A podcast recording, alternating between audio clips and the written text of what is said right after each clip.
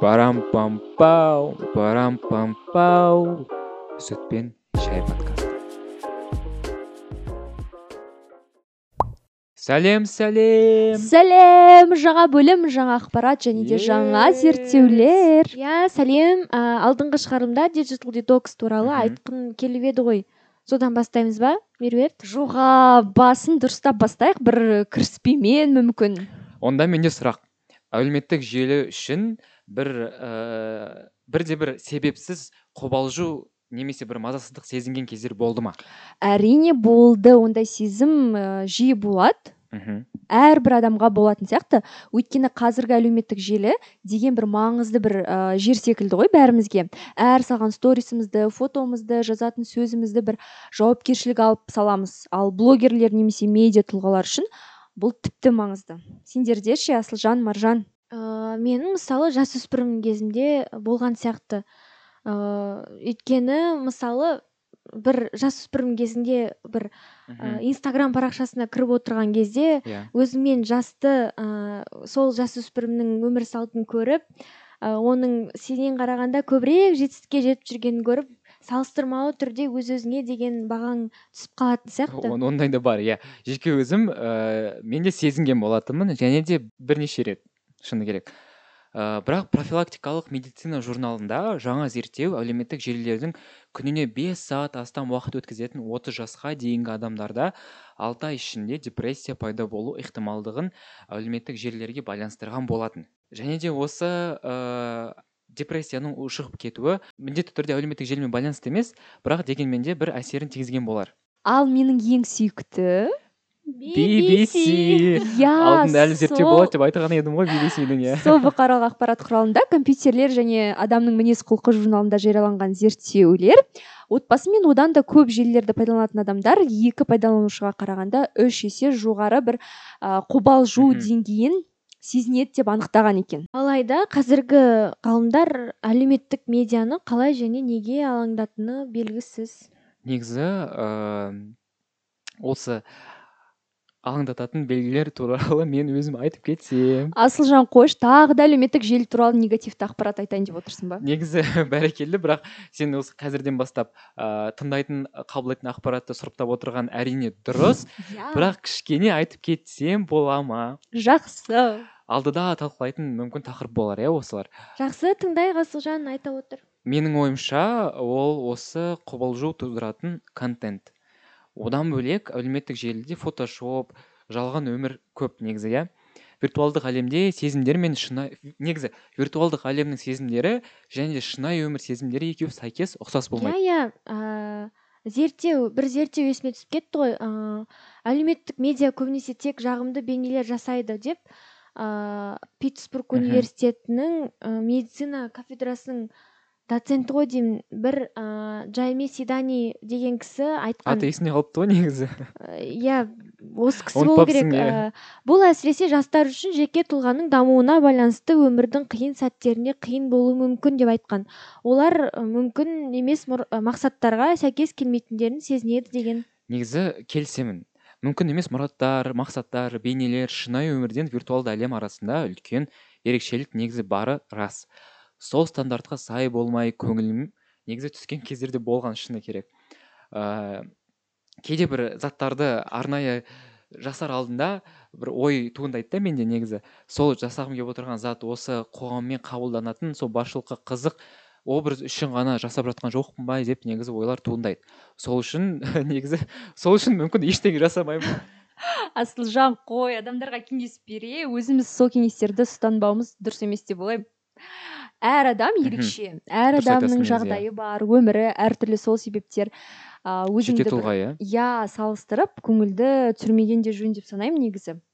Ал менің де бір дайындаған зерттеуім бар. Ол скоп қайырымдық қор жүргізген 1500 пайдаланушылардың сауалнамасына сәйкес 18 және 34 жас аралығында жастардың жартысынан көбі әлеуметтік желілер олардың ә, тартымсыз сезімталын ә, сезімтал бір ә, қобалжу әсерін тудырады деп айтқан болатын. Және де менің ойымша диджитал детокс туралы айтатын уақыт келді. Ура! Бұл детоксты мен өзім қолданамын. Сіздер ә, екеуіңіз де менің инстаграм парақшамда барсыздар мені көресіздер. Естеріңізде ма? Мен ә, жылына бір ә, екі үш рет сондай бір диджитал детокс жасап тұрамын өзіме негізі. Негізі иә мен бір байқаған болатынмын. Иә бұл детоксты мен және барлығына кеңес беремін жасауға.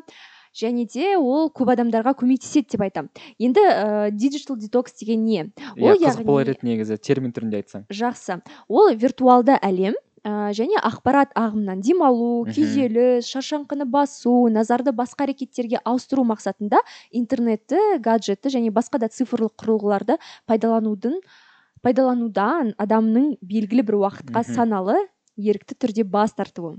Яғни диджитал детокс ол қазақша сандық детокс деп аталады және сол сандық детоксқа үнемі қажеттілік ыыы медиаскетикаға әкеледі. Медиаскетика деген не? Yeah. Иә. ол ә, шын өмір мен виртуалды өмір арасындағы тепе теңдік және баланс өмір салты. Маған жоқ жерден термин айтасың деп өзің медиаскетика диджитал детокс деп айтып отқаның қалай кетті негізі. Керемет иә. Рахмет рахмет бөлісіп жатыр жоқ шынымен де керемет. Осыған ұқсас мен бір ай инстаграмнан демалыс жасаған едім сол санала ма негізі? Әрине бір ай деген керемет нәтиже. Ыыы тек сен бір әлеуметтік желі ғана детокстан өттің иә негізі мен өзімді жақсы сезінген болатынмын бірақ ыыы тек қана иә инстаграм әлеуметтік желісіне детокс болған болатын бірақ шынымен де маған тик ток болса жетерлік. Қой бұл адалдық деп саналмайды. Жай айтқаным ғой негізі меруерт. Біз ә, басқалардың әлеуметтік желілерін қарау туралы ғана айтып кеткен сияқтымыз. Басқалардың инстаграмы басқалардың парақшалары деген сияқты әңгімелер көп болды иә. Бірақ әрбір адам жеке парақшасы өзі туралы және де өзінің ерекшелігі туралы айтып кетеді. Осыған аха. кешір асылжан. Осыған байланысты менде тағы бір зерттеу бар. Ә, швецияда мыңдаған фейсбук қолданушыларына сау, қолданушылар сауалнамасында зерттеушілер ә, фейсбук қолданушылары өз өмірлерін басқа адамдардың мансаптық жетістіктерімен және бақытты қарым қатынастарымен салыстырады. Және мұндай салыстырулар көбінесе олардың пайдасына болмайды деген қорытындыға келген. Бірақ шағын зерттеу сіздің аккаунтыңызды басқа адамдардың фотосуреттерінің орнына қарау өзін өзі бағалауды арттыра алатындығын көрсетті деп негізі мен қазір кішкене қосып кетейін нарциссттік бір әрине сезімім емес бірақ өзім өзім өзім бір сторис салсам соны күні бойы қарап отыратын сездім негізі. Иә сендерде де сондай бола ма? Болып тұрады иә. мен ойлаймын өзім сторисімді өзім жүз рет қараймын. иә. Иә тек ыыы жаман жақтары ғана емес иә. күшті ерекшеліктері де бар. Негізі әрине. Шынымен әлеуметтік желіні күнделікті жүргізіп пост алып история салғыңыз келсе мхм жай ғана бір кішігірім заттардан бастау керек сияқты. Содан жайлап жайлап жоғары көтеріле береміз. Ешкім мінсіз емес ыыы және де бір сатыдан бастап әрине. бірден дами отырамыз. Оған қоса табысқа жетудің кілті ііі кішігірім кілті бір кеңес ретінде айтатын болсақ ол біздің үлкен мақсаттарымызға бір түнде бір аптаның ішінде немесе бір айдың ішінде міндетті түрде дәл сол сәтте жету мүмкіндігі жоқ. Мүмкіндігі негізі кейбір адамда бар шығар бірақ дегенмен де көпшілікке ондай ыыы жылдам бір нәтиже бола қоймас. Біз осыларға жету үшін жасаған кішігірім және маңызды қадамдарға емес тіпті мақсаттардың назар аударып бір көңіліміз басқа заттарға бөлініп кетеді негізі осындай сәттерде. Сондықтан менің бір кішігірім айтатын кеңесім кішкентай жеңістерді атап өту және де оларды ыыы оларға маңыз бөле отыра әрдайым тойлап отыру. Иә дұрыс айтасың осы негізі ең дұрыс зат. Міндетті түрде адам өзін өзі бағалауы жақсырақ бола бастайды. Одан бөлек егер де бір адам әлеуметтік желіде мазасыздық қобалжу тудыратын болса жай ғана әлеуметтік желілерінен жазылудан бас тарту дұрыс деп ойлаймын. Міндетті түрде көмегін тигізетін сияқты. Негізі бір ыыы жолдама айтып кетсем біздің тыңдаушыларға. І сен ерекшесің. Және де бұл әлемде тура сендей басқа адам жоқ. Ал қобалжу мазасыздық туындайтын болса негізгі маман есіне ііі жүгінгені дұрыс болар. Иә? Бірақ иә. иә жеке өзім ііі қолданған әдіс ол ы сезімдер туралы күнделік жүргізу. Қандай сезім сезіндің оған не себепші болды деп күнделікті толтырып жүрсең қандай мәселемен жұмыс жасау керектігін негізі түсінесің. Ыыы негізі дәстүрлі қағаз бетіне жазу. Екеуіңнен байқаған болатынмын. Қағаз бетіне күнделіктер жазу сендерге ыыы жақын сияқты иә. Иә иә мен ыыы күнделікке жазғанды өте жақсы көремін. Күнде күнде жазып отырамын. Бұл Э, қаламсаппен қоштасу маған қиын. Бұл жерде сендермен кішкене ерекшелігім ұқсастығымыз айырылатын шығар. Өйткені мен мүлдем жазғанды ұнатпаймын. Өйткені өкінішті. қаламды алып қағаз алып жазған ұзақ уақыт алғандықтан мен арнайы бір ыыы смартфондағы қосымшаларды қолданамын. Мысалға дейлио атты қосымшасы ол ар, ә, арнайы осы өзінің күнделік сезініп отырған сезімдерін жазуға арналған ыыы қосымша иә? Ыыы жеке өзімнің тәжірибемнен аптаның бар жеті күні бойы мен өзім жаман сезініп жүрген болатынмын. Және де бір сол жеті күннің бәрі жаман бір зат болып жатқан шығар деген ой болып жүрген кезімде сол ыыы күнделігіме қарасам екі апта бойы бір рет қана жаман сезімге беріліп қалған екі аптаның уақыты сол бір жаман сезімге фокус фокус бөлініп өз уақытымды өзім құртып жүр екенмін негізі шыны керек. Асылжан сені тыңдау қандай қызықты және керемет практикамен бөлістің деп ойлаймын біздің тыңдаушыларымызға. Әрине және психикалық ауытқу себептерін байқасаңыз міндетті түрде психолог көмегін қолданған дұрыс деп ойлаймын. Міндетті түрде. Бәрі бір әлеуметтік желі психикалық үлкен ауытқуға әкелу мүмкіндігі көп қауіп қатер. Ол біз білеміз депрессия. Депрессия. Иә 2016 жылы 1700 адамның қатысуымен жүргізілген зерттеу бірнеше әлеуметтік медиа платформаларда қолданған адамдарда депрессия мен мазасыздық қаупі үш есе жоғары екенін көрсеткен болатын. Иә зерттеушілер атаған себептердің ішінде ең алдымен виртуалдық қудалау және басқа адамдардың өмірі туралы бұрмаланған түсінік болды. Ә, және сонымен қатар қоса кететін болсам ғалымдар әлеуметтік медиа депрессияның белгілерін қалай анықтауға болатындығын зерттейді. Бұл кәсіби көмекке тезірек жүгінуге көмектеседі деп ойлаймын. Негізі дұрыс ә, кәсіби көмекке не жетсін иә? Ә, дегенмен де тағы да бір мен сендерге дайындаған зерттеуім бар. Жақсы бөлісіп кет. JAMA Network Open медициналық журналында жарияланған зерттеу ә, орташа жасы 56 жастан құрайтын 5395 ересек адамның сауалнамасын ә, сауалнамасына негіз- негізделген. Бұл мақала белгілі бір ә, платформалардың психикалық денсаулыққа қалай әсер ететіндігіне ә, жас айырмашылығы туралы анықтағысы келген болатын.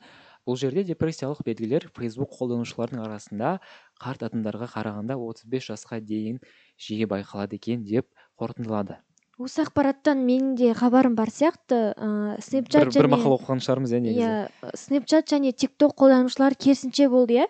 отыз бес Иә, жастан асқан иә. адамдарда депрессиялық белгілер көп болды деп ыыы айтқан сияқты сол қандай қызықты. Иә негізі осы ақпараттың барлығы маңызды. Сіздер ә, осы актрисаны білесіздер ма? Софи терн иә естуім бар иә иә сол а, актриса яғни әлеуметтік желілерде өзіне бір жаман пікір алған екен. Мхм. сол пікірлер оған қатты әсер етіп қазіргі таңда ода депрессия пайда болған. Яғни депрессия дамыған сол ә, депрессиямен ол бес жыл бойы әлі күнге дейін күресіп келеді. Маған бұндай сөздерді оқу қатты қиын болды. Негізі көптеген танымал адамдар бұл депрессияға ә, се- сол депрессияның негізгі ә, себебі бір негативті фидбэк болған шығар иә иә. Осыған байланысты ыыы белла хадид Аха. өз инстаграм парақшасында депрессия ауытқуларымен күресіп жүргенін айтқан еді. Негізі көрген болатын иә сол иә сен де иә. көрген шығарсың меруерт Ыыы, иә иә иә. Әлеуметтік желі өтірік деп жазған болатын. Ал вог журналы үшін кендалл дженнер әлеуметтік желі қатал аямай пікірлерін бөліседі жала жабады деген естігем осы бөлігін мен негізі тиктоктан көрген болатынмын шын айтсам. Иә дегенмен де әлеуметтік желіде тым керемет әлем жасап тек бір Иә. ә, орысша айтқанда зона комфорта туындауы мүмкін емес пе? Негізі мүмкін. Және де біздің айтып отқан кеңестер бір қатты қабылданып осындай орысша айтқанда шынымен де зона комфорта деген жасап алуы өте ә, үлкен ә, мүмкіндігі бар. Көп адам виртуалды әлемде тым керемет күшті орын жасап шынайы әлемнен қарым қатынасқа түсуден бас тартады және де ондай адам білемін және де ә, бір, бір, бір адам ғана емес. Бұл жерде негізі интроверттік ұрпақ туындау мәселесі ә, басымырақ шығар. Бұл мүмкін мүлдем басқа тақырып болып кетер. Не бас тикток туралы жалғастырайын. Жақсы. Тикток желісінде көбіне депрессия мазасыздық туралы адам көп бөліседі екен. Өзім тиктокты жақсы көретін адам болғандықтан көп сондай ә, видеолар байқаған болатынмын. Және де бір кішкентай ә, кішкене кішігірім сауалнама сауалнама емес і өтірік айтамын ыыы зерттеу жүргізген болатынмын өтірікші болдыңдар ғой сендер сендерге бүгін өтірікші қауесеттің құмары. Жақсы жалғастырайын. Депрессия хэштегімен бір де екі миллиард рет белгіленген болатын. Ол орысша. Ал тағы да орысша тревожность сөзі жүз сегіз миллион рет хэштегпен белгіленіпті. Ал тура сол сөзді ағылшынша депрешн деп іздеген кезімізде тик токта он екі миллиард хэштег бар екен. Мәссаған Иә. сұмдық қой бұл? Шынымен де сұмдық. Иә қандай сандар. Керісінше он екі ә, миллиард шыны керек. Иә иә. Керісінше мысалы өткен жылы он тоғыз отыз екі жас аралығында жеті мың адам қатысқан американдық алдын алу медицина журналында жарияланған зерттеу әлеуметтік желілерде көп уақыт өткізетіндердің әлеуметтік оқшаулануы екі есе көп екенін көрсеткен екен. Яғни ол олар топқа жату сезімін сондай ақ басқалармен қарым қатынасты және толыққанды қарым қатынасты сезінбейді. Бұны сен қай жерден зерттеуді оқыдың? Иә әрине ол Иә. сол зерттеушілердің пікірінше а, бұндай адамдар үшін әлеуметтік желілер және жеке қарым қатынасты бұзады және өздерін жалғыз сезінеді деп айтқан екен. Бәрібір дегенмен де әр зерттеудің әр зерттеудің өзінің уақытына сай жауабы әрі себебі болады ғой. Бірақ бұл себептен ә, осындай қиын жағдайға ә, ушығып кетпеу үшін маман иесі психолог психиатр психотерапевт атты көмегіне ә, барған негізі жүгінген болар деп ойлаймын. Ә, онда біздің айта алатын кеңестерімізді қайталап өтсек. Ә, мен айта кетейін. Мазалау қобалжу болса ә, Мгм. сондай сәттерді күнделікті жазып себептерін айқындап отыру дисфункционалды ойлар журналы туралы ақпарат оқып көрсеңіздер болады және екіншісі кішігірім жетістіктерді жазып кішігірім тойлап отыру яғни әрине Иә. диджитал детокс аптасына екі күн болсын бір ә, жасап көріңіздерші өтінемін осыған қоса мен бір кішкене ә, кеңес айтып кетейін бұл кеңесті мен ася казанцева ресейлік ғылыми журналист ғылыми ә, дәріптеушіден көрген болатынмын. Ол ютуб ә, платформасындағы канал имени илона маска атты интер- интересный подкаст ә, шығарылымында ә, бір кеңес айтқан болатын. Ол жерде адам ұйықтар алдында бір бүгін осы сол күні өткен болған үш жақсы зат туралы жазып кету немесе еске алу иә? Бірақ ә, жақсы заттарға көңіл бөле отыра біз сол ә, позитивті заттарға көңіл бөліп кішкене болсын ә, өзіміздің хал жағдайымызды көтеретін боламыз. Оған қоса ә, оның айтуы бойынша осы өзіңнің жақсы сезіну үшін көбірек құшақтасу керек дейді. Иә жақын адамдармен ә, мазасыздық пен қобалжуды жоюға көмектеседі деп бөліскен болатын. Қандай керемет осындай кеңестерді мен қатты жақсы көремін. Әрине негізі бар эмоция ол адам үшін маңызды. Бұл өмірде тек жақсы бақыт сезімі ғана емес көңілің түсіп кететін сәттер болады әрбірінің өмірінде. Және ол бізге бәрімізге мәлім. Иә. сол себептен менің кеңесім ішіңіздегі уайымға себепші болған сәтке не себепке көңіл бөліп өзіңізді жақсы сезінуге сол сезінудің жолын табуға тырысыңыз. Ә, сонымен әлеуметтік желі ол бір жаман дұшпан емес.